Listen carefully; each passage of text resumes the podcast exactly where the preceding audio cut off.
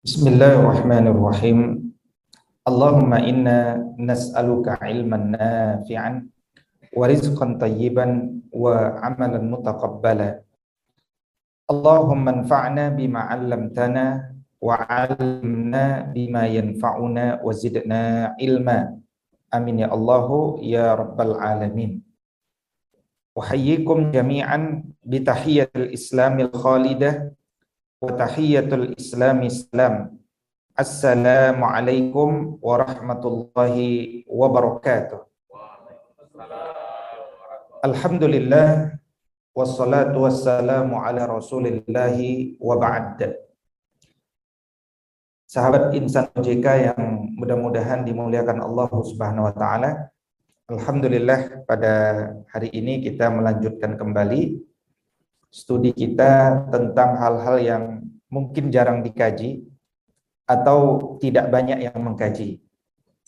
Dan di antara sebuah fakta dalam sejarah adalah bahwa hari ini peradaban barat itu tidaklah tegak kecuali setelah melalui fase dan fase yang dilewati itu adalah fase peradaban uh, Islam jadi kalau kemudian uh, saya ingatkan satu rentang sejarah di mana hari ini kita berada di abad ke-21 ya dan berada dalam istilahnya revolusi industri 4.0 ya. Ini titik kosong kan berkait dengan satu titik kosong. Satu titik kosong itu revolusi industri 1750 dengan penemuan teknologi mesin uap di industri tekstil.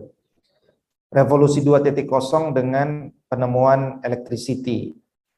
Revolusi 3.0 dengan penemuan uh, komputasi.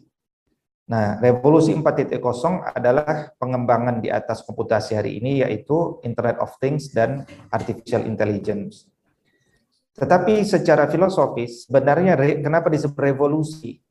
Nah, itu adalah gerakan untuk menghilangkan kaum agamawan karena mengalami traumatik sejarah di mana sains tidak bertemu dengan agama atau sains mungkin uh, atau sains dimusuhi oleh agama sehingga mereka ingin membuktikan bahwa tanpa agama uh, sains bisa berkembang.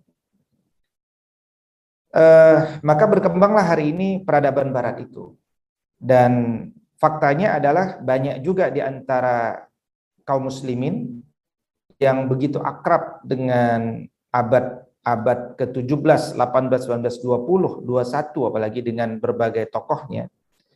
Tapi juga kemudian kita cukup akrab dengan uh, periode sebelum abad 5 Masehi ya khususnya uh, kepemimpinan mulai dari Thales of Miletus abad 6 sebelum Masehi yang nanti pemikirannya dikembangkan oleh Anaximander, Anaximenes, Diopantos sampai kemudian apa yang diakrab hari ini Aristoteles, Socrates, Plato. Uh, kita tidak pernah atau jarang berpikir bahwa setelah abad uh, kehancuran Yunani kuno itu Barat kan kemudian mem, me, me, menamakan periode mereka sebagai the Dark Ages period, abad ke-8. Ya kan, abad ke-8.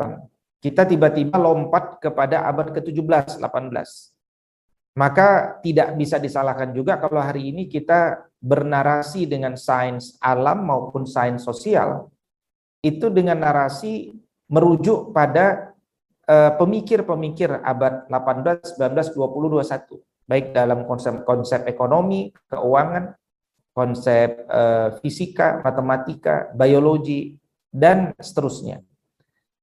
Apa dampaknya? Dampaknya adalah kalau dikaitkan dengan negara kesatuan Republik Indonesia yang berdasarkan Pancasila dan Pancasila itu berkausa prima ketuhanan yang Maha Esa, eh, kita terjebak dengan pemikiran Barat dengan sejarahnya yang anti agama maka kemudian eh, ketika negeri ini sangat kental ya ruh agama sebagai pembentuk negeri ini itu akhirnya kan tidak ketemu juga antara agama dengan sains. Maka eh, terjadilah apa yang terjadi hari ini yaitu dikotomi antara agama dengan sains. Di mana orang-orang yang belajar ilmu agama dia awam dengan sains dan orang-orang yang belajar ilmu sains harus belajar agama kembali setelah pensiun biasanya. Ya, saya ketemu dengan banyak sahabat-sahabat tetangga-tetangga yang kemudian mencoba merekonstruk ulang. Ya, termasuk juga para akademisi-akademisi yang di usia-usia mapannya kemudian merekonstruk ulang pemikirannya karena selama ini memang tidak sempat saja ya. Kalau kecerdasan luar biasa tapi tidak sempat berinteraksi dengan apa yang seharusnya. Yang disebut uh, periode abad kegelapan itu the dark ages period yang dinamai sendiri oleh orang barat tapi sejatinya itu hanya gelap bagi barat tapi tidak gelap bagi timur. Nah, ini yang mengatakan ini siapa? Yang mengatakan ini di antaranya adalah John Sarton ya. Jadi eh, sahabat semuanya, terkadang kita perlu mengambil eh, hal-hal eh, penting dari sosok-sosok eh, yang kritis ya. Ini foto John Sarton ya. Eh, dan ini saya tampilkan juga Eh, beberapa pengakuan-pengakuan orang terhadap beliau ya termasuk dari tokoh-tokoh yang otoritatif di bidang sejarah seperti Dorothy Stimson, Sami Hamarne, Ben Dibner, ya, Bernard Cohen, Arnold Takrai, Thomas Kuhn ya. Beliau juga punya karya luar biasa otoritatif karena hidupnya fokus dalam uh, menulis ulang sejarah sains khususnya apa yang selama ini tertutupi padahal dia bukan muslim ya tapi apa yang kemudian tertutupi dia tulis ulang ini masterpiece-nya yang lima jilid ini the introduction uh, to the history of science ya. introduction to the history of science ini lima jilid ini mengkaji uh, bagaimana capaian-capaian per 50 tahun sejak khususnya sejak Nabi lahir sampai kemudian sampai beliau wafat menulis belum selesai gitu ya sekitar abad abad 12 abad 13 gitu ya Nah, uh, beliau yang mengatakan bahwa ya bisa saja itu uh, gelap bagi Barat, tapi jangan katakan dunia ini semuanya berat, gelap kata beliau. Ya. Nah, ini di antara uh, pikiran-pikiran beliau ya. ya. Coba ambil poin-poin. Yang pertama adalah uh, dan itu sangat Islami ya sebenarnya hikmah ya bagi saya, yaitu orang hari ini tidak suka belajar sains, membatasi sains, padahal sains itu tidak bisa dilepaskan dari kehidupan kita. Dan faktanya belajar sains itu adalah membahagiakan, senang. Ya, makanya sering saya sampaikan saintis pertama di dunia ini ya manusia pertama. Siapa? Nabi Adam alaihissalam. Ya, Nabi Adam itu saintis pertama. Kenapa? Bayangkan kalau beliau turun ke muka bumi, katakan tidak mengenakan baju, maka sifat yang manusiawi untuk menutupi tubuh dengan baju kan? Nah, beliau turun di gurun pasir, ketemu dengan Hawa di Arafah. Kira-kira kepikir apa untuk menutup jasad kan begitu? Ya. Kalau turun di Indonesia banyak hutan kan, kalau turun di tengah padang pasir itu tutup apa? Nah, di situ kan ada proses berpikir nanti.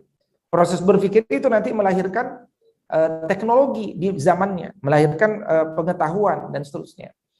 Jadi eh, tidak mungkin sains itu terlepas. Ya. Persoalannya adalah kenapa ada istilah nanti sains itu Islami atau tidak Islami, terbaratkan atau tidak terbaratkan. Ada pada nilai, ya value. Kenapa sains itu harus dikembangkan? Ke arah mana? Untuk untuk kepentingan apa? Untuk kemanfaatan apa? Kemudian John Sarton sendiri bilang bahwa evolusi sains itu nggak benar baru mulai abad ke-17 ya. Jadi jangan katakan sebelum revolusi industri 1.0 kemudian tidak ada sains. Itu sebuah pengkelabuan yang luar biasa, kata George Sarton. Ya. Jadi George Sarton ini, beliau ini eh, tokoh otoritatif karena dia yang pertama kali mendirikan fakultas doktoral bidang sejarah sains di Oxford University. Makanya dia punya eh, lorong sendiri di Oxford di library sana ya. Eh, menarik juga ketika beliau mengatakan eh, apa namanya ada istilah modern. Ya, hari ini kita senang dengan istilah modern. Ya, bahkan pondok pun pondok pesantren modern, sekolah modern. Ya, bedanya kalau modern itu lebih mahal gitu ya. Nah, kalau modern itu ada bahasa Inggrisnya. Gitu ya. Nah, sebenarnya kalau istilah modern itu kan bukan istilah itu istilah biasa aja kata Sarton. Kenapa? Hari ini modern. 100 tahun ke depan jadi ancient loh gitu. Ya kan? Nah, sama. Jadi itu semacam proses sejarah saja, nggak perlu sampai kemudian wah, wah modern enggak. Biasa kata beliau. Kemudian yang tidak boleh dilupakan, sains itu kerjasama antar peradaban kata beliau. Dan Islam itu luar biasa. Islam itu uh, memulai peradabannya dengan cara berpikir framework Qurani, kemudian siap berinteraksi dengan banyak orang, ya kan? Makanya Islam tidak membuat sains dari awal, tapi kemudian mengislamisasi perkembangan sains yang sudah ada. Ya, sains yang berkembang sebelum beliau pasti Yunani kuno yang kita bisa detect. Kemudian nanti peradaban Cina, peradaban India.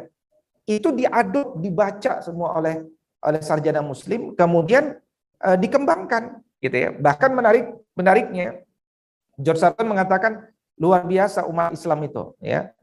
Orang Arab itu kata beliau, luar biasa. Karena mereka mengembangkan sains itu sedemikian rupa sampai tidak terlihat lagi jejak-jejak. Ya, saking tingginya capaian yang yang dibangun itu, gitu kan. Ah, maka kemudian eh, apa namanya? Beliau juga sampaikan hal-hal yang penting ya di sini. Jadi eh, seorang seorang manusia, apalagi Muslim ya, kita ini kan diperintahkan untuk menjalankan tugas kita sebagai khalifatul fil ardi, khalifah di muka bumi. Uh, khalifatun fil ardi itu kapasitasnya apa? Ya harus memiliki berbagai cabang sains, ya, uh, berbagai cabang sains. Tidak memisahkan antar sains kata Jaksata. Ya. Kemudian uh, tidak usah terpukau dengan Greek miracle karena Yunani itu biasa aja. Justru Yunani itu kata George Sarton adalah uh, Yunani itu uh, apa namanya uh, untuk menjadi peradaban yang mapan itu cukup cukup lama waktu yang dibutuhkan. Sementara Islam semenjak nabinya wafat kata George Sarton, satu abad setelah nabinya wafat, Islam sudah memimpin peradaban dunia. Peradaban sains dunia dan itu luar biasa ya. Bahkan ketika Yunani berakhir dengan kegagalan moralitas, dengan LGBT, dengan seks bebas dan seterusnya, ya uh, tidak demikian dengan Islam kata beliau. Nah, kemudian bagaimana uh, pencapaian Arab berada di atas Yunani? Bahasa Arab menjadi bahasa sains progresif. Beliau juga berpikir sains dan agama harus kembali bersatu. Kalau enggak, apa yang terjadi di barat hari ini itu yang kemudian sangat disesali oleh beliau. Dan ini penyesalan beliau uh, uh, abad 19 ya. Sekarang abad 21. Jadi abad 19 saja cukup banyak tokoh-tokoh uh, kritis di barat yang menyesali perkembangan barat yang kemudian menutupi berbagai hal dan itu menunjukkan uh, uh, bahwa peradaban barat itu bukan peradaban yang kemudian uh, bisa melampaui melampaui uh, kemuliaan Islam ya. Contoh misalkan persoalan-persoalan kenapa terjadi perselisihan ya antara agama dengan sains ya. Ini kita sudah sering lah uh, mengetahui kasus-kasus inkuisisi yang terjadi di masa lalu ya. Bagaimana para pemikir yang kemudian berseberangan eh, mereka kemudian harus mengalami inkuisisi ya karena melakukan heresi heresi itu eh, bid'ah ya kalau bahasa kita. Eh, eh, makanya ada Galileo Copernicus Bruno. Nah, itu kan sesuatu yang umum lah ya kita sudah ketahui. Nah beliau membuat satu sejarah peradaban ya secara umum ya. Jadi kalau abad ke-6 itu eranya Thales of Miletus, Pitagoras di situ. Abad kelima Hippocrates, ya, artinya beliau memberikan nama-nama ini uh, berdasarkan uh, tokoh atau karya yang paling minati, karya yang paling besar, karya yang paling banyak dirujuk masa itu. Ya. Abad keempat itu ada era Plato, Aristoteles. Abad ketiga itu ada era Euclid dan Archimedes. Abad kedua sebelum masih ada era Cato de Censor, Hipparchus, Abad ke-1 ada era Lucretius dan era Virgil. Begitu masuk abad 1 ada era Celsus, Pliny. Abad kedua ada era Ptolemy, Galen. Abad ketiga ada Alexander of Aphrodisias, Diopantos. Era 4 eh, abad keempat Masehi eh, yang Blicos, Ori Basios. Nah, era abad kelima ini sudah mulai masuk uh, Cina ya sebagai satu apa namanya satu pemikir karya yang sudah mulai banyak dirujuk ya ketika Barat juga sudah mulai ketika Yunani sudah mulai runtuh ya nah, di, di, di situ ada era Fasien meskipun masih ada era Plocos abad ke-6 masih ada era Peloponnes Alexander Thales nah abad ke-7 praktis ini eranya Cina ya. Suansang era I Ching ya. Abad 8 era BD Tapi 50 tahun kedua abad ke-8, ya berarti sekitar satu abad lebih setelah Nabi SAW wafat, itu sudah mulai masuk eranya Jabir ibn Hayyan. Eh, Jabir ibn Hayyan ini bapak apa? Eh, sahabat Bapak pakar di bidang apa Jabir ibn Hayyan?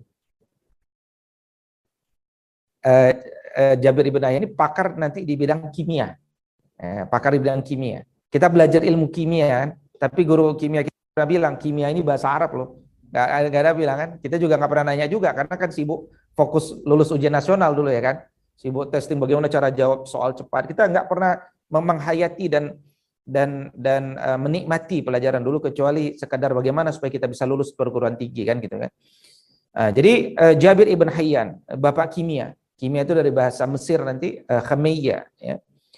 Kemudian abad 9 udah nih, udah abad-abad uh, Islam semua. Era Al-Khwarizmi, era Fakhruddin Ar-Razi atau Abu Bakar Razi, era Al-Mas'udi, era Abdul Wafa, era Al-Biruni, era Omar Khayyam.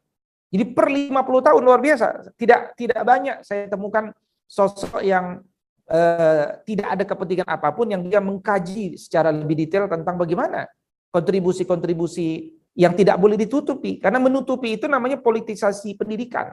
Pendidikan kan tidak boleh terpolitisasi, dia betul-betul harus bersih, jernih, gitu kan? Kalau kita lihat ensiklopedia-ensiklopedia baik Britannica seterusnya, kalau bicara peradaban Islam itu ada dibahas, tapi sekitar dua lembar saja. Habis itu, eh, nah ini kan sebuah ketidakadilan yang yang merupakan ciri daripada peradaban Islam yang ternyata tidak lepas dari value, gitu kan? Kalau kalau Islam tidak pernah menutupi itu. Ya, Yunani karya Yunani saja diterjemahkan, karya Aristoteles diterjemahkan full. Ya. Jadi kalau kita bicara kontribusi awal peradaban Islam atas peradaban Barat adalah bagaimana peradaban Barat itu tidak membaca karya Yunani kuno atau tidak ditemukan mereka membaca karya Yunani kuno secara langsung ke kitab langsung. Tapi mereka membaca dari terjemahan yang berbahasa Arab. Ya. Jadi uh, uh, mereka menguasai Arab. Uh, maka ada dulu istilah Mozarabic culture, budaya ke Arab-Araban karena uh, yang disebut budaya Arab-Araban dulu itu adalah pakaian gamis. Gimana para penuntut ilmu dulu mereka pada pakai gamis. Yang pakai gamis itu adalah sarjana, para pembelajar. Dan dan dia belum tentu muslim. Dan orang senang pakai itu menunjukkan bahwa dia adalah seorang penuntut ilmu meskipun agama bukan Islam. Nah, itu yang disebut eh, Mozarabic culture itu ya. Kemudian di abad ke-12 sampai abad ke-14, beliau sudah uh, tidak lagi membagi per 50 tahun, tapi sudah mulai membagi per lebih spesifik karena karya semakin kompleks ya. Karya umat Islam itu semakin kompleks ya.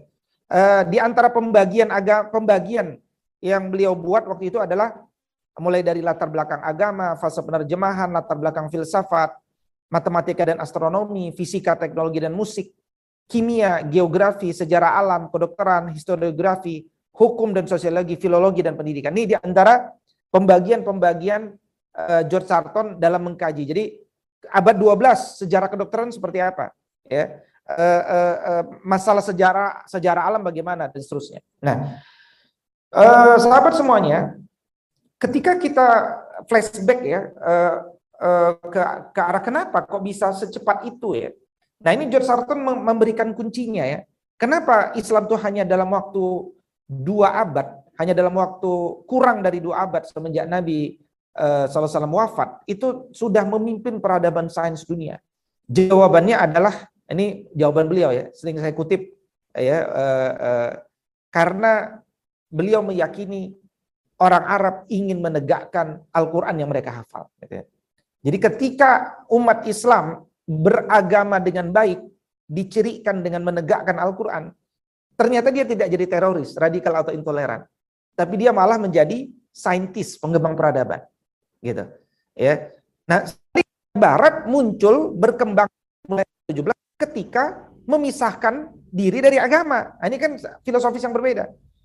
Jadi umat Islam ketika sangat beragama justru melahirkan peradaban sains barat justru melepaskan agama baru dia bisa maju nah ini ini perbedaan paling mendasar ya nah makanya kalau kita hari ini ingin maju tanpa agama maka cirinya nanti akan seperti barat Ya, pilihannya cuma dua. Kita ingin menjadi pemikir sains dengan ciri westernized atau kemudian menjadi sosok yang holistik dalam cara pandang Islam. Nah, dalam cara pandang Islam itu uh, bisa di ya Jadi kalau kita belajar romantika masa lalu kan tujuannya supaya bisa dikorelasikan dengan uh, hari ini. Itu kan istilah ibroh menurut Al-Ghazali ya. Uh, uh, ketika George Sutton mengatakan bahwa sumber uh, apa kenapa hal itu terjadi karena Al-Qur'an menjadi misi utama. Maka kalau kita ingin kontekstualisasikan hari ini, maka kita harus memposisikan Al-Qur'an itu juga sama. Dia menjadi satu standar pandangan hidup yang posisi atas. Ya. Jangan sampai kemudian kita merasa ya, generasi kita, anak kita atau diri kita sudah belajar Islam karena kita belajar Al-Quran. Belajar tajwid, belajar tahsin, tahfiz Al-Quran. Ya, tapi ternyata kita nggak paham isi Quran. Ya, setelah kita masuk kelas tahsin, masuk kelas tahfidz, habis itu kita belajar ilmu sosiologi atau psikologi, habis itu kita belajar ilmu biologi, tapi ilmu yang kita pelajari lepas dari ilmu Al-Quran tadi. Nah, pada saat itulah saya sering mengatakan uh, pelajaran Quran itu disebut sebagai pelajaran pelengkap penderita. Ya. Nah, dan tidak akan lahir peradaban sains yang gemilang. Padahal Barat hari ini butuh solusi kan. Barat kan hari ini nggak menampilkan kedamaian. Dunia ini berada dalam persoalan. Ya, kemiskinan luar biasa. Amerika saja hutangnya luar biasa gitu kan. Nah, perlu ada satu solusi alternatif yang diajukan kembali di tengah uh, keringnya spiritual question daripada uh, pemimpin peradaban hari ini. Nah, nah ketika kita jadikan Al-Qur'an sebagai pondasi awal, pondasi paling atas, di situlah nanti kita uh, menyadari bahwa ternyata hidup ini nggak bebas nilai. Hatta untuk mengatakan ini benar, ini baik, itu sesuatu yang membahagiakan, itu sangat bergantung apa value yang kita pakai. PBB ketika melahirkan standard of the happiness country, ya kan? Eh, standar kebahagiaan seperti apa? Ya, yang yang dijadikan uh, referensi oleh Barat ketika mengatakan negeri ini bahagia, negeri ini tidak bahagia. Itu kan tergantung value nantinya. Nah, maka kemudian dalam peradaban Islam itu tidak dikenal ada ilmu agama, ilmu dunia secara umum. Karena semuanya harus beragama. Yang cabang besarnya adalah satu pelajaran ilmu syariat. Ilmu syariat ini dalam pengertian adalah ilmu yang bersifat tauqifiyah. Ilmu yang kemudian dia tidak bisa lagi diubah-ubah karena sudah sempurna yang dia yang dia datang dari Allah Subhanahu wa taala. Nah, yang kedua adalah ilmu sosial. Social sciences. Yang ketiga ilmu alam natural sciences. Ini pun adalah roh dari Al-Qur'an. Maka saya, saya katakan mustahil seseorang itu belajar Al-Qur'an tapi nggak suka ilmu sosial. Yang kalau sekarang ini di di apa namanya dikembangkan dengan beberapa cabang kan seperti antropologi. Kalau dulu bapaknya Al-Biruni sosiologi dulu bapaknya Ibn Khaldun ya uh, politik. Dulu bapaknya uh, Ibn Taimiyah Al-Ghazali uh, Al-Mawardi ya kemudian uh, geografi uh, sastra sejarah humaniora lainnya. Belum lagi ilmu politik ilmu edukasi uh, pendidikan. Ini ilmu sosial mustahil kita bisa menjadi uh, khalifatul bil jika kita tidak menguasai itu. Contoh, kesepakar apa pun kita di OJK, kita punya anak kan, anak kita kan murid kita, harus kita didik kan. Untuk mendidik anak kita, kita kan harus belajar ilmu tentang manusia, ya kan? Wah, tapi saya sejak dulu gak pernah belajar ilmu tentang manusia. Itu persoalan kurikulum, ya kan? Desain kurikulum. Tapi bahwa kita harus menjadi seorang muadib, guru bagi anak, -anak kita, ini ilmu sosial. Mau, tidak mau sekarang banyak yang belajar lagi parenting. Belajar parenting itu belajar tentang ilmu tumbuh kembang anak, tentang uh, uh, tentang kurikulum, tentang lisan. Ini ilmu sosiologi, uh, uh, uh, uh, cabang ilmu sosial. Ya. Kita kemudian ingin bagi waris, ingin bagi waris, pakai ilmu apa? Ilmu ilmu alam, ilmu matematika, fisika, kimia, biologi, ilmu matematika, ya Al-Qur'an telah mendorong kita untuk memahami ilmu matematika. Bagaimana mungkin ada seorang yang punya cita-cita jadi ahli usul fik, tapi nggak suka pembilang penyebut, ya kan? Nggak suka uh, kelipatan persukuan terkecil, ya nggak bisa bagi waris, gitu loh. Nah, jadi Al-Quran itu luar biasa, membuat mindset yang yang holistik gitu ya. Nah, karena itu kemudian uh, kembali kepada slide kita bahwa uh, narasi uh, yang mereka pegang itulah kemudian yang dikembangkan. Ya, jadi kalau kita lihat abad-abad uh, sebelum abad 11 ya pada khususnya, uh, ini kita belum sampai bicara abad ke-13, uh, bicara abad ke-11.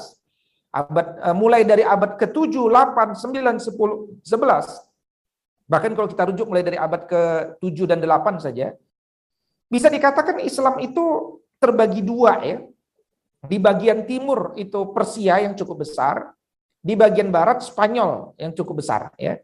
Nah, eh, ketika Persia cukup besar dan sangat luas eh, eh pengaruhnya, eh, waktu itu agama di Persia kan Zoroastrianism, itu menjadi agama nasional dulu. Tapi setelah Islam masuk, eh, Zoroastrianism ini digeser dengan agama Islam. Nah, padahal mereka sudah punya budaya yang mapan dulu di Persia. Nah, maka kemudian uh, seni atau roh untuk mengembangkan sains itu cukup kental di Persia dalam kurun waktu cukup lama dan itu nanti terlihat bagaimana. Begitu banyak karya ilmiah, karya filosofis, karya teologis, karya artistik didominasi dalam sejarah peradaban sains itu oleh para ulama Persia. Dan ditulis dalam bahasa Persia yang kemudian nanti di masa berikut baru diterjemahkan ke dalam bahasa Arab sampai kemudian nanti diterjemahkan ke bahasa Eropa Latin ketika masuk ke uh, ke uh, ke Spanyol misalkan. Begitu juga karya bidang sastra dari Persia ini cukup banyak mempengaruhi seluruh wilayah Islam sampai ke Spanyol. Dan memang kalau kita baca masa-masa kedinastian setelah Khulafaur Rasyidin selesai 30 tahun dengan khalifah yang terakhir yaitu Hasan bin Ali, Bani Umayyah, Bani Umayyah memimpin sekitar 91 tahun. Enggak lama ya, enggak lama. Uh, tetapi kemudian ketika dilanjutkan oleh Abdul Abbas As-Soffah yang mendirikan Bani Abbasiyah, itu cukup lama didominasi oleh pemimpin-pemimpin yang berketurunan Persia. Banyak sekali ulama-ulama yang nanti berketurunan Persia ya dan seterusnya. Nah, ini uh, membaca fakta-fakta yang yang ada. Sementara di bagian barat, ya kita tahu uh, keruntuhan Umayyah kemudian melanjutkan ke Spanyol kan, dan Spanyol tidak memberikan ruang bagi Abbasiyah sama sekali, cukup uh, dan uh, terpisah hanya kerjasama kerjasama dalam bab-bab tertentu ya. Tetapi uh, bedanya adalah ketika Iran dulu Islam mengganti Zoroastrianism, tidak demikian dengan Islam ketika menguasai Spanyol. Islam tidak menggantikan agama Kristen Latin. Karena tidak ada paksaan dalam beragama. Di Spanyol itu perbedaan agama luar biasa ya yang masuk Islam banyak tetapi Islam tidak memaksakan bahwa Spanyol harus uh, homogen Islam itu tidak berbeda kan kemudian ketika Islam kalah di Spanyol semuanya diwajibkan untuk satu agama ya nah ketika di wilayah Persia itu cukup lama dipegang oleh orang-orang Persia di Spanyol kontrol uh, sains itu cukup banyak dipegang oleh orang-orang Muslim dari keturunan Arab, Berber, Syria gitu. Nah ini perbedaannya. Nah makanya kemudian karya-karya ilmiah yang dihasilkan Muslim non Spanyol sedikit yang ditulis dalam bahasa Spanyol, apalagi bahasa wilayah Persia. Nah ini ini juga perbedaan antara bagaimana perkembangan sains di di Eropa atau di Spanyol dengan di uh, uh, Persia misalkan uh, uh, seperti itu. Uh, berikutnya, kalau kita lihat begitu banyak ulama-ulama Persia di abad ke-10, abad ke-11, eh, di antara contoh yang cukup terkenal lah ya. Misalkan Al-Farabi. Nah, ini diangkat oleh Al-Fihris, karya An-Nadim dari Khorasan. Jadi kalau sahabat semuanya ingin mengetahui katalog karya-karya besar sepanjang sejarah yang paling lengkap ya itu berjudul eh, Al-Fihris. Ini karya Ibn Nadim yang juga berasal dari Khorasan. Ada Abu Bakar Ar-Razi, ini dari Rey, Persia juga. Ada Ahmad Al-Khawarizm dari Khawarizm, Turkistan, yang juga waktu itu wilayah Persia. Ada Abdul Wafa yang masyhur di Baghdad. Al-Khujandi dari Khujan, ada Ibn Syahriar dari Khuzistan. Ada Abu Sahal dari Jurjan, ada Ibn Miskawai. Hari ini kita sudah mulai banyak membaca karya-karya uh, yang sudah diterjemahkan dari Ibn Miskawai. Uh, beliau berasal dari Istana Sultan Buahid. Ya. Nah, di abad ke-11, ya, nah ini banyak ulama-ulama dari Persia seperti Firdausi dari Tus, Asadi, ini kemenakan Firdausi, ada Al-Biruni yang tadi saya katakan pakar antropologi, ini dari Khawarizm juga. Ada Ibn Sina dari Afsana, dari Khusha Ibn Laban dari Gilan, ada An-Nasawi dari Khorasan, ada Al-Ghazali dari Tus, ya, Persia juga. Ya, ada Omar Khayyam, pakar matematika setelah Al-Khwarizmi dari Naisepur. Ada Nasri Khusraw dari Marv, ada Zarindas dari Gorgan, ada Nizamul Mulk dari Tus. Nizamul Mulk ini yang merupakan wazir dari Eh, Sultan Malik Shah ya dan beliau yang mendirikan Madaris Nizomiyah, Madrasah Madrasah Nizomiyah yang mengundang para profesor-profesor terbaik waktu itu di antaranya adalah Kalau istilah profesor sekarang, Profesor Al-Juwaini dan Profesor Al-Ghazali. Itu dua profesor besar uh, yang diundang dari jauh oleh Nizamul Mulk waktu itu ya. Uh, meskipun tentu kita tidak menutup mata, banyak ulama-ulama produktif di luar dari Persia. Contohnya ya uh, di antara abad ke-10 dan 11.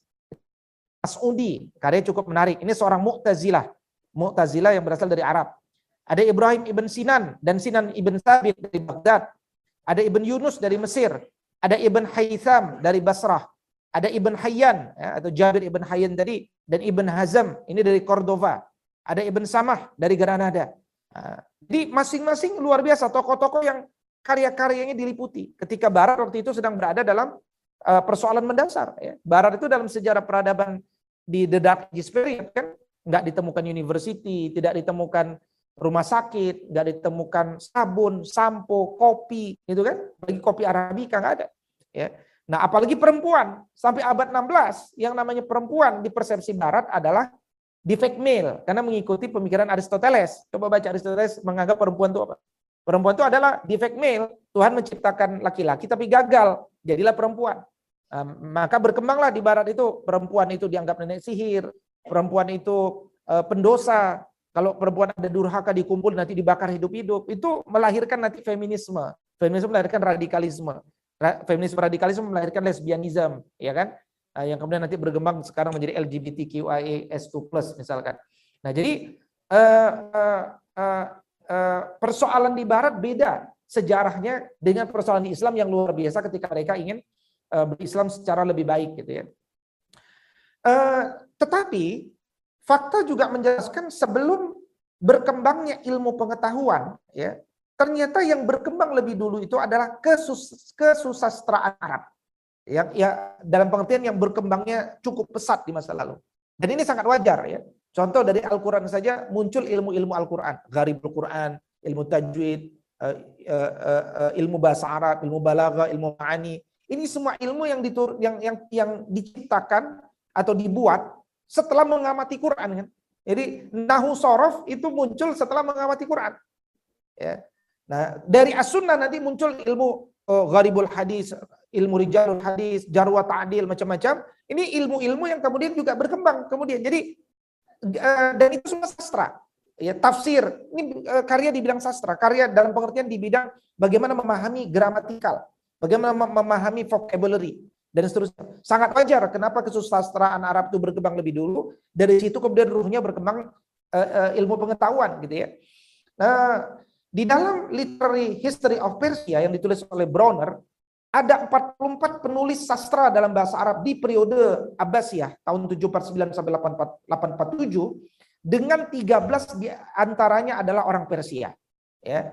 Uh, di antara 13 orang itu yang cukup terkenal adalah Ibn al-Muqaffa ini penerjemah Kalila wa Dima yang dari bahasa Pahlavi ke bahasa Arab dan uh, Ibnu Muqaffa ini ini dipuji oleh oleh Ibnu Khaldun ya eh, dalam Muqaddimah sebagai karya besar dalam bahasa Arab. Ya, ya Ibnu Muqaffa juga yang menerjemahkan Khudainamah, kitab raja-raja ya yang juga sebelumnya dari bahasa Pahlavi. Berikutnya ada Hamad ibn Sobur. Ya. Hamad ibn Sobur ini dari Rawiyah. Uh, uh, Sapur, Juni Sapur itu di wilayah Persia juga.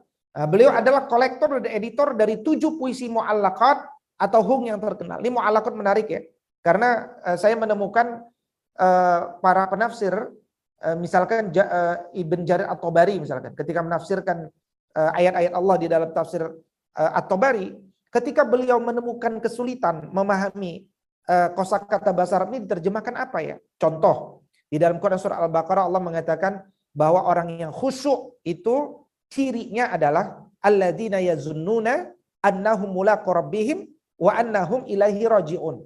Ya, orang khusyuk itu adalah orang yang yazunnuna bahwa dia akan bertemu dengan Allah dan bahwa dia akan dikembalikan kepada Allah. Yazunnuna ini apa artinya? Ya, karena makna yazunnuna dari kata zon, prasangka. Ya, mengira-ngira. Masa sih orang khusyuk itu karena dia mengira ya kan? Bahwa dia akan bertemu dengan Allah dan bahwa dia akan dikembalikan kepada Allah. Bagaimana kemudian yang dilakukan oleh Ibnu Jarir Tobari? Beliau kembali ke karya sastra ya yang berjudul Mu'alaqat. Ya, ini ketika menyebutkan Mu'alaqat saya jadi teringat itu soalnya. Ya, beliau e, mencari karya yang dirujuk oleh para penyair sebelum Nabi lahir. Di antaranya mu'alakon. Seperti apa orang dulu menggunakan kata zon. Nah dari situlah ternyata beliau menemukan bahwa kata yazununa itu sejak lama dipakai di, uh, dengan makna yakin 100% gitu ya. Jadi kemudian beliau menafsirkan bahwa alladzina yazununa annahum artinya adalah bahwa orang yang khusyuk itu adalah orang yang yakin 100% bahwa dia akan bertemu dengan Allah, bahwa dia akan kembali kepada Allah. Nah, ini saya ingin mengatakan ini bahwa ternyata kita ini akan semakin mendalam keilmuan kita ketika kita menikmati sastra. Maka jangan hilangkan pelajaran sastra dari sekolah-sekolah kita. Itu kan yang membuat Finlandia menertaui Amerika. Ya, eh, ketika ada diskusi, ada video di YouTube kan. Dia ter, di Amerika nggak ada kurikulum sastra. Oh nggak ada kata orang Amerika. Karena udah dibuang, semua orang dibuat jadi tipikal pekerja. Finlandia belajar cuma cuma lima jam, ya kan? Tapi menghasilkan orang kan negeri paling bahagia kan. Sekarang kan Finlandia, ya uh, pelajaran dan mereka belajar sastra. Dan menurut uh, hikmah orang Barat ini, ya uh, orang Finland ini sastra nggak bisa dihapus. Nah, nah, di sini kita belajar bahwa bagaimana karya yang pertama kali berkembang itu justru karya di bidang sastra, gitu kan. Nah, makanya guru-guru kita dulu murid-murid itu kan disuruh menghafal gurindam, ya kan?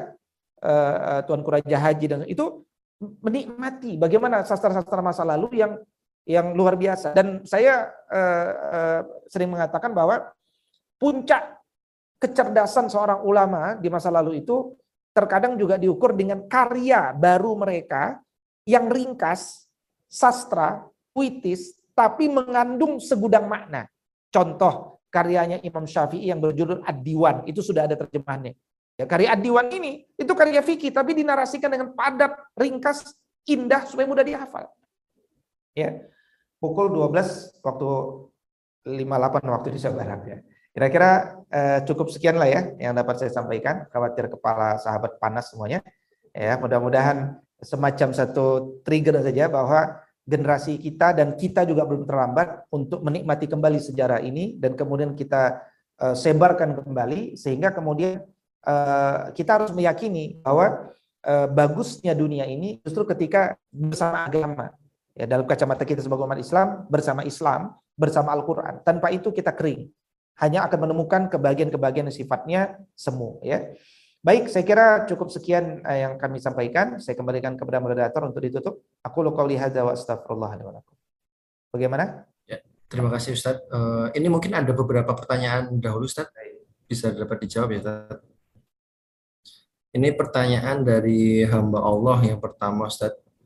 Uh, Assalamualaikum Ustaz, mohon uh, dapat dijawab bagaimana kedudukan sains dalam Islam sejauh mana peran kontribusi orang Islam dalam pengembangan sains dan di manakah letak perbedaan antara sains Islami dan tidak seperti itu. Mohon dapat dijawab Ustaz.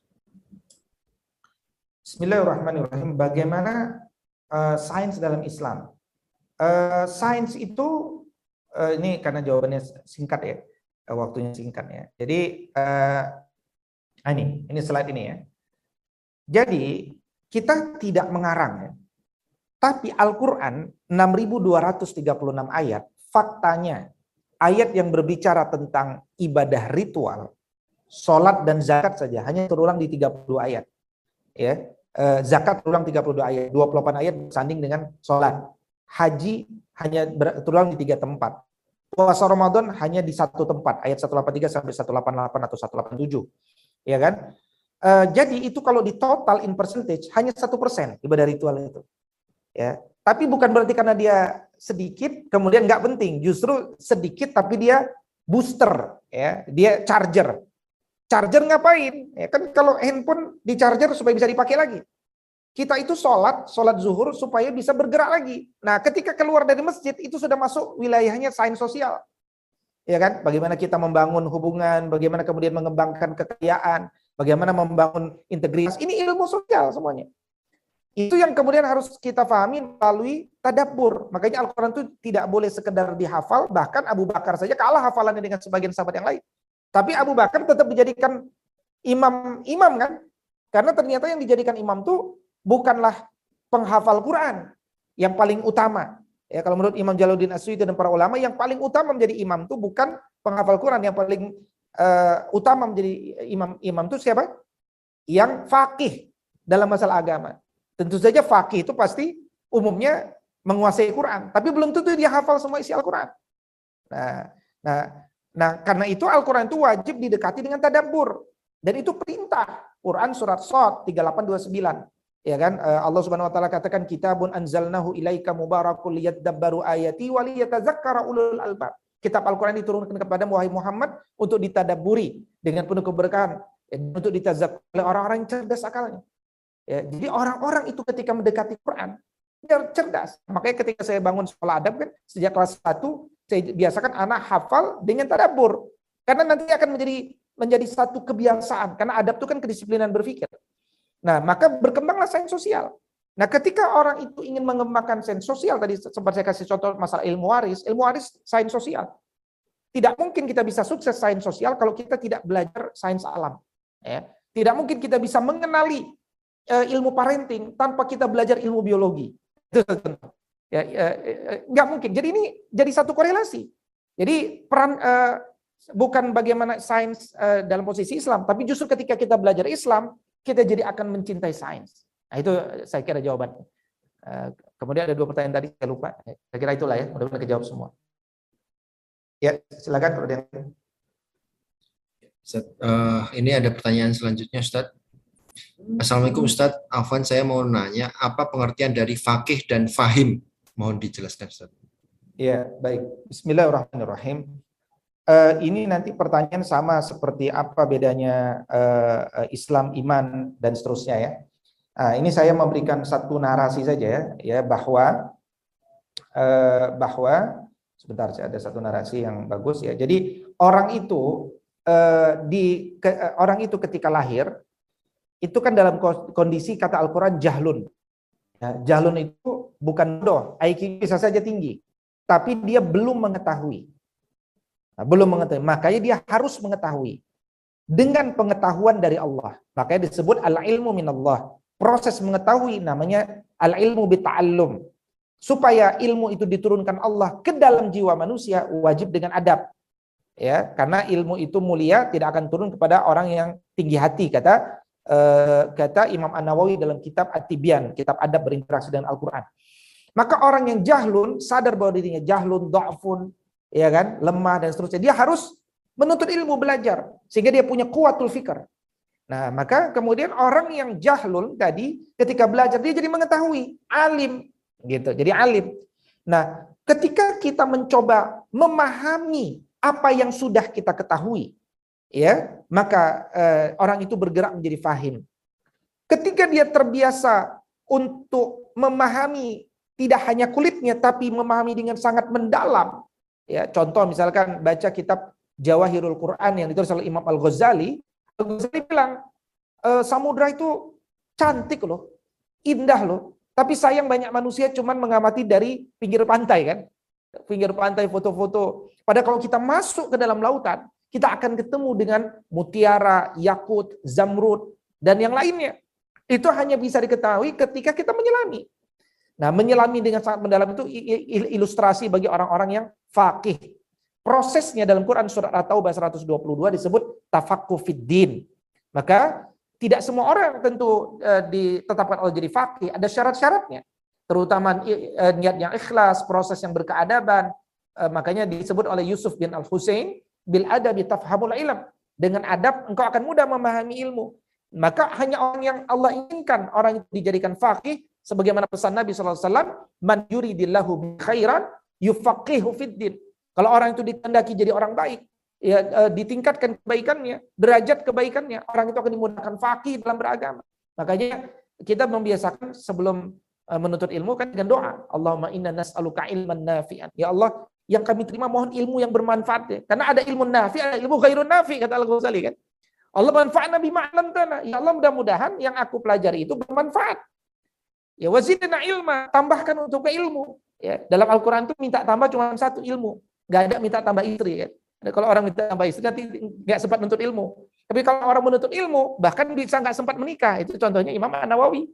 Ya, wafat umur uh, lahir tahun 1233, wafat tahun 1277, umurnya sekitar 44 masih, uh, umur 44 masih, 44 tahun, dan sempat menikah. ya Karena apa? Cintaan uh, kepada ilmu. gitu kan. Nah, dan dan dan untuk itu dia harus mengaktifkan fungsi fungsi untuk proses menuntut ilmu yang mungkin nanti saya akan kaji dalam waktu yang lain. Baik, ada pertanyaan lain mungkin? Ya, tats, uh, terima kasih Tats semoga menjawab. Uh, ini pertanyaan terakhir Ustaz dari Bapak Andri Wicaksono. Bagaimana tanggapan sains Islam terkait teori evolusi manusia? Mohon dijawab Ustaz. Ya, bismillahirrahmanirrahim. Islam belum bicara, barat udah berontak, ya lihat di uh, National Geography dan sudah sudah ada banyak artikel di yang terbaru ya tahun 2019 ada 2018 ada. Uh, bagaimana kemudian mereka uh, menentang teori itu dan melihat beberapa kamuflase yang juga terjadi yang itu kemudian semakin memperkuat dugaan mereka bahwa ini karangan Darwin ya. Kita lihat ada satu ada beberapa slide yang menceritakan persoalan kamuflase kamuflase yang terjadi. Misalkan dulu di abad 18 ya ditemukan setelah lebih dari 70 tahun ya itu murid-muridnya akhirnya menemukan bahwa tengkorak eh, tengkorak yang kemudian dijadikan referensi dasar dalam teori itu itu ternyata eh, eh, perpaduan tiga makhluk ya. Perpaduan tiga makhluk. Giginya eh, saya, saya lupa ya. Kalau tidak salah kepalanya manusia eh, ininya adalah eh, gorila mungkin ya, giginya adalah yang lain itu. Jadi tiga itu. Dan itu baru ketahuan dan itu merupakan musibah besar bagi Eropa. Eropa malu. Ya, karena baru diketahui setelah 70 tahun. Ya, 70 tahun. Nah, kalau di Indonesia masih ada sangiran. Nah, itu perlu jawab lagi nanti. Sangiran kan besar sekali kan patungnya di atas kan. Nah, jadi uh, Islam uh, Islam meyakini ilmu itu bukan dugaan. Ilmu datang dari Allah. Allah mengatakan manusia pertama adalah Nabi Adam alaihissalam. Meskipun Allah tidak mengatakan sebelum Nabi Adam AS tidak ada manusia kan. Tapi kita nggak bisa menduga juga. Yang kita ketahui adalah bahwa manusia pertama adalah Nabi Adam alaihissalam. Maka uh, uh, uh, ketika kemudian kita tinggalkan Quran, kita pasti akan ngikut orang. Ngikut orang namanya Darwin. Darwin bingung karena Darwin nggak suka dengan agama. Nah, dia ketika dia tidak suka agama, dia buat konsep sendiri, dia buat konsep. Akhirnya dia membuat teori sah-sah saja karena dia seorang manusia bebas ya yang persoalan kan kita. Kenapa kita tidak merdeka uh, dengan mengikut Al-Qur'an kemudian uh, mengikuti mereka gitu kan? Nah jadi ketika kita mengikuti Darwin sejatinya mengikuti kebingungan daripada orang-orang yang sedang bingung. Padahal penuntut ilmu itu pada akhirnya harus menetapi ketenangan. Karena bersama kebenaran al-haqqu min rabbik minal mumtarin kata Allah. Kebenaran itu dari Allah kalian jangan jadi ragu ya Nah, tapi ketika kita melepaskan Al-Quran, akhirnya semakin lama kita belajar, makin membenarkan keraguan dan meragukan kebenaran, hidup keraguan pokoknya. Nah, ini uh, yang kemudian membedakan ya bagaimana luar biasanya kitab suci itu. Uh, dia uh, Allah yang menciptakan dan Allah yang paling tahu bagaimana membuat jiwa itu tenang. Kalau orang tenang kan produktif. Kalau produktif dia pasti prestatif gitu kan. Nah, saya kira demikian. Wallahu a'lam. Baik, Nah, ini masih ada beberapa pertanyaan, tapi karena waktu sudah mem, uh, ini kita sudah mau selesai, Ustaz. Mohon maaf ya untuk Bapak Ibu sekalian yang uh, masih uh, memiliki pertanyaan. Insya Allah akan dijawab di pertemuan selanjutnya, Ustaz. Ya. Mungkin uh, karena waktu juga yang membatasi, sudah pukul 13.09, uh, maka mohon Ustadz dapat disampaikan hikmah dan kesimpulan dari kajian uh, dunia Islam pada siang hari ini dan uh, ditutup dengan doa bersama Ustaz. Dipersilakan. Bismillahirrahmanirrahim. Hikmahnya adalah marilah kita punya semangat untuk menegakkan agama karena Islamnya rahmatan lil alamin hanya kalau dia tegak. Menegakkan agama itu dengan menegakkan nilai-nilai Al-Qur'an. Dan menegakkan nilai Al-Qur'an itu berarti kita harus memahami Al-Qur'an dan menjadikan Al-Qur'an sumber referensi berpikir, bukan pelajaran pelengkap penderita dan bukan agama yang formalistik, tapi agama yang kemudian masuk pada substantif daripada roh agama itu. Nah, karena itu ini adalah sebuah aktivitas budaya ilmu, tradisi ilmu itu adalah aktivitas yang membuat kita membuat lebih bergairah, hidup menjadi semakin hidup. Ya, saya banyak menemukan lulusan daripada LIPI, LIPI ya, udah profesor bidang mikrobiologi, belajar lagi doktoral pendidikan di Ibnu Khaldun, ada yang sudah doktoral tata negara di hukum, belajar lagi doktoral pendidikan. Karena orang itu kalau sudah menikmati ilmu, ya dia akan akan uh, haus ya. Uh, seperti minum air laut semakin minum semakin haus. Maka uh, bangun tradisi ilmu berbasis Quran supaya hidup kita tidak sia-sia. Demikian uh, dan karena itu mari kita tutup bersama. Mudah-mudahan Allah jadikan sisa-sisa umur kita berkah untuk umat, melahirkan amal yang bukan hanya individu dan rutinitas, tapi amal-amal yang bermanfaat untuk bangsa, negara, dan dunia alam semesta ini. Dan mudah-mudahan Allah wafatkan kita dalam kondisi husnul khatimah. Ala hadhihi wa salihah al-fatihah. أعوذ بالله من الشيطان الرجيم. بسم الله الرحمن الرحيم. الحمد لله رب العالمين. الرحمن الرحيم. مالك يوم الدين. إياك نعبد وإياك نستعين. اهدنا الصراط المستقيم. صراط الذين أنعمت عليهم غير المغضوب عليهم ولا الضالين. Amin ya Allah. Allahumma salli ala sayyidina Muhammad. Allahumma rabbana ighfir lana wa liwalidina wa lil mu'minina yawma yaqumul hisab. اللهم ألف بين قلوبنا وأصلح ذات بيننا واهدنا سبل السلام ونجنا من الظلمات إلى النور وجنينا الفواحش ما ظهر منها وما بطن. وبارك لنا في سمعنا وأبصارنا وأزواجنا وذرياتنا وتب علينا إنك أنت التواب الرحيم. ربنا اجعلنا مقيمين الصلاة ومن ذريتنا. ربنا وتقبل دعاء. ربنا آتنا في الدنيا حسنة وفي الآخرة حسنة وقنا عذاب النار. وصل اللهم على نبينا محمد وعلى آله وصحبه وسلم. وآخر دعوانا عن الحمد لله رب العالمين. استغفر